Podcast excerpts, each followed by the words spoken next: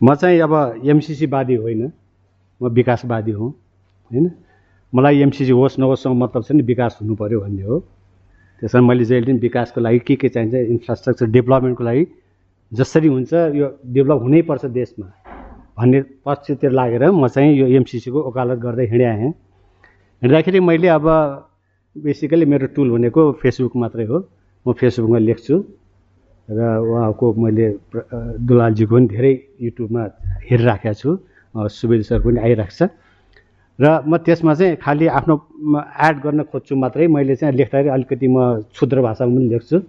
त्यो क्षुद्र भाषामा लेखाएको कारणले गर्दाखेरि मलाई धेरै थ्रेट पनि आउँछ टाइम एन्ड अगेन तर अब त्यो सबै तत्कालीन कुरो भयो होइन? र मलाई लागेको चिज के छ हामीले अहिले जुन धेरै सरहरूले पनि भन्नुभयो त्यो एमसिसीका कम्प्याक्टका बुदाहरूमा छलफल गरेर केही कामै छैन होइन? त्यो बुदा त गभर्मेन्टले पढेर गभर्मेन्टको एक्सपर्टहरूले पढेर सबै एक्सपर्टहरूले पढेर गभर्मेन्टलाई राय दिएर गभर्मेन्टले सही गरिसकेको चिज हो होइन? रह्यो रेटिफिकेसनको कुरो होइन? रेटिफिकेसन पनि अब एउटा डिबेट त जहिले पनि छ यसलाई इन्टरनेसनल ट्रेटीको रूपमा किन हेर्नु पऱ्यो यो त बायोलेटरल एग्रिमेन्टको रूपमा गराए भए पनि हुन्थ्यो होइन? यसलाई ट्रेटीकै रूपमा किन लग्नु पर्दैन? डिबेट त होला। तर त्यो डिबेटको लागि के छ भने मिलियन डलरको ग्रान्ट नेपालको लागि पहिलो हो। यो लेभलको ग्रान्ट एकमुष्ट नेपालले कहिले पनि पाएकै थिएन। पाएको नपाएको हुनाले दिने दात्री संस्थाले पनि यसको इम्प्लिमेन्टेसन राम्रो होस् क्रेडिबल होस् भनेर उसले चाहिँ त्यो लेभलको खोजेको हो ट्रिटी इन्टरनेसनल ट्रिटी लेभलको खोजेको त्यसको लागि के चाहिन्छ तिमीहरूको लिगल प्रोभिजन के छ भन्दाखेरि हाम्रै सरकारले लेखेर दिएछ हामीसँग त्यो त्यस्तो व्यवस्था छैन। त्यस कारण it has to be ratified by the parliament भने हाम्रो सरकारले कानुन मन्त्रालय राय लेखेर दिए हुनाले एमसिसीले के भने त्यसै पास गरेर भने मात्रै हो। होइन? अदरवाइज त्यस्तो ठुलो इस्यु पनि थिएन यसमा। सबै भइसकेको थियो। अब त्यसपछि मैले भन्न मन लाग्ने कुरो के भने यसलाई किन यसलाई डाइभर्ट गरियो? मेन मुद्दाबाट डाइभर्ट गरेर किन चाहिँ अब यसलाई यत्रो युएन क्राई गराइयो भन्ने कुरोमा डाक्टर भीमरावलले सायद आफ्नो थेसिस त्यति पढ्नु भएको छैन होला जति यो उहाँले एमसिसी पढ्नुभयो। उहाँ के बारे गर्नु भने उहाँले सोधेन उहाँलाई थाहा छैन होला अहिले। बिर्सिसक्नुभयो। तर एमसिसीको सबै बुदा उहाँलाई कण्ठ छ। उहाँले लेखेको बुदाको आधारमा नेपाल सरकारले एमसिसीलाई चिठी पठायो। दिज आर आउट कन्सर्न भनेर। दस पेजको लामो चिठी सबैले पढ्नु पनि भयो होला। त्यसमा एमसिसीले बकैदा बुदा नम्बर वानको मेरो जवाफ यो हो बुदा नम्बर टूको मेरो जवाफ यो हो भनेर यत्रो लामो उसले जवाफ पठाएको छ। त्यो जवाफ ठिक छ कि छैन भनेर कोही त सरकारले भने। सरकारले जवाब सोधेर पठाउने एमसिसीलाई र दिज आर आउट कन्सर्न्स भनेर। एमसिसीले त्यस जवाब पठायो। न भीमरावलजी त्यसबारे केही बोल्नुहुन्छ? त्यो जवाब ठिक छ कि छैन? यसमा यो चित्त बुझेन भनेर सरकार चुप्लाएर बस्यो। है? अब सरकारको दायित्व के थियो त? एग्रिमेन्ट सही गरिसक्यो उसले पार्लियामेन्टमा टेबल पनि गरिसक्यो। पार्लियामेन्ट त दर्ता गर्यो त्यो चाहिँ बहसमा आएको छैन। महाराजीले रोकिदिनु भएको थियो त्यो बेलामा अहिलेसम्म रोकिया रोकेको छ सरकारको काम भनेको त्यसले बहसमा ल्याउने हो नि। त्यसले बसमा ल्याएर पार्लियामेन्टमा छलफल गर्दा सिद्धि भयो नि? किन टाउको दुखाइ गर्नु पऱ्यो यहाँ होइन त्यो नगर्ने। सरकार पनि के कुरेर भइसक्यो मलाई थाहा छैन। भर्खर कलेज सरले भन्नुभयो फेरि अर्को कमिटी बनाएको छ। त्यो कमिटी उहाँ सरले भन्नुभयो होइन? फेरि तिनजना कमिटी बनाएको त्यो कमिटीको मतलब के त अब? त्यो कमिटीले हुन्छ भने हुन्छ हुँदैन भने हुँदैन भन्ने हो र। किन गभर्मेन्टले त सही गरिसकेको छ होइन? त्यसमा गभर्मेन्ट पनि अहिले चाहिँ लासार भएर बसिरहेको छ। किन लासार भएर बसिरहेको छ थाहा छैन। त्यो लासार हुनुको चाहिँ अरू यो हामीले फेसबुकमा कराएर नेपालमा एक दुईजना चाहिँ संसदको भवन अगाडि उफ्रिएर मुर्दाबाद भनेर रोकिया होइन। समथिङ डिप पोलिटिकल इन्टरभेन्सन यहाँ पक्कै छ। ताकि सरकार पनि अहिले के गरिरहेको छ त? खुट्टा कमाइरहेको छ हुन त हिजो के अस्ति हो? प्रधानमन्त्रीले भन्नुभयो म राष्ट्रघाती त कहाँ गर्थेँ र? म पनि यो देशकै प्रधानमन्त्री मैले राष्ट्रघाती त गर्दिनँ पनि भन्नुभयो। प्रचण्डजीले पनि भन्नुभयो I'm in regular contact with the American entity भनेर। र एमसिसी यो फिर्ता जाँदैन भनेर उहाँले पनि भनिसक्नुभयो। तर यसलाई पार्लियामेन्टमा छलफल गरेर रेटिफाई किन गर्दैनन् त? है? र यतिको बिचमा चाहिँ अब के भइदियो त? प्ले गर्ने मौका पाएँ। होइन?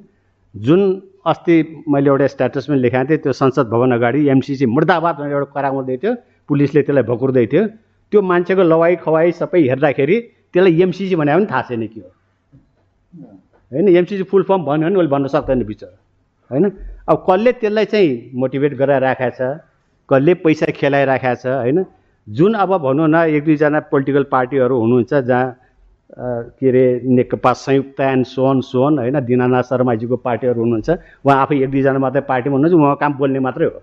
होइन? विरोध गर्ने मात्र हो। नारायणमा बिजुक चाहिँ मात्रको पार्टीहरू होइन? उहाँ काममै विरोध मात्रै गर्ने हो।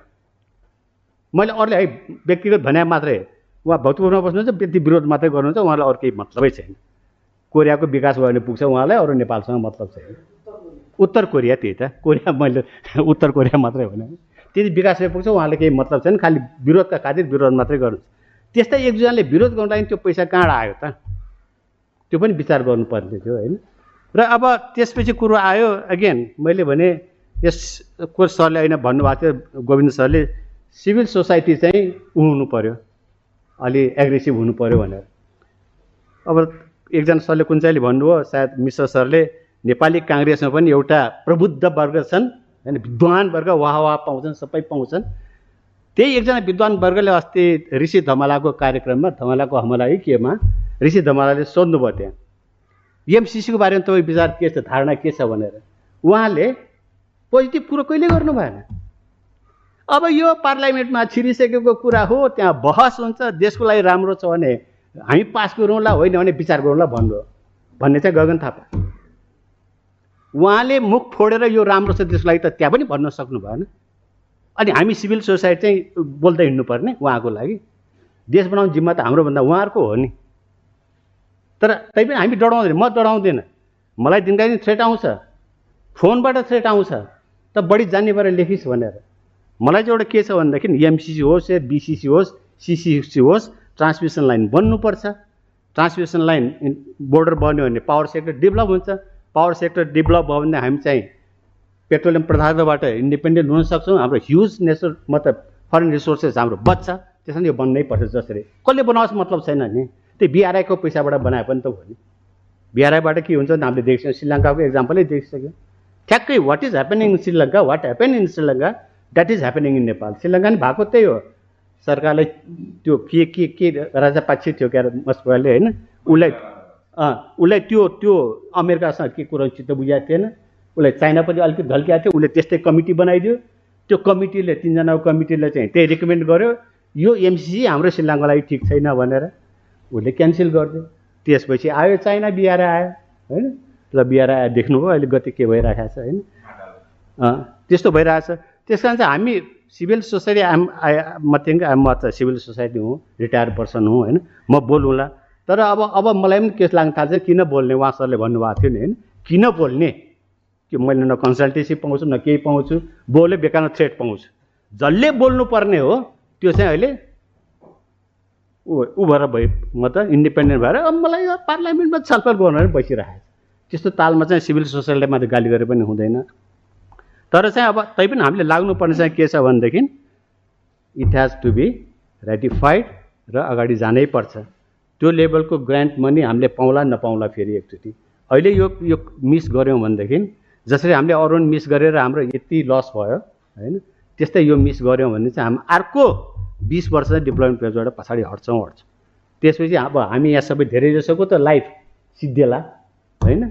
सिद्धिएला अथवा कोही भाइहरू यङ भाइहरूले चाहिँ अब अहिलेसम्म जसरी बिताउनु चाहिँ बिताउनु होला तर देश चाहिँ कहिले पनि डेभलप हुनेवाला छैन। मेरो भन्नु त्यति हो। Thank you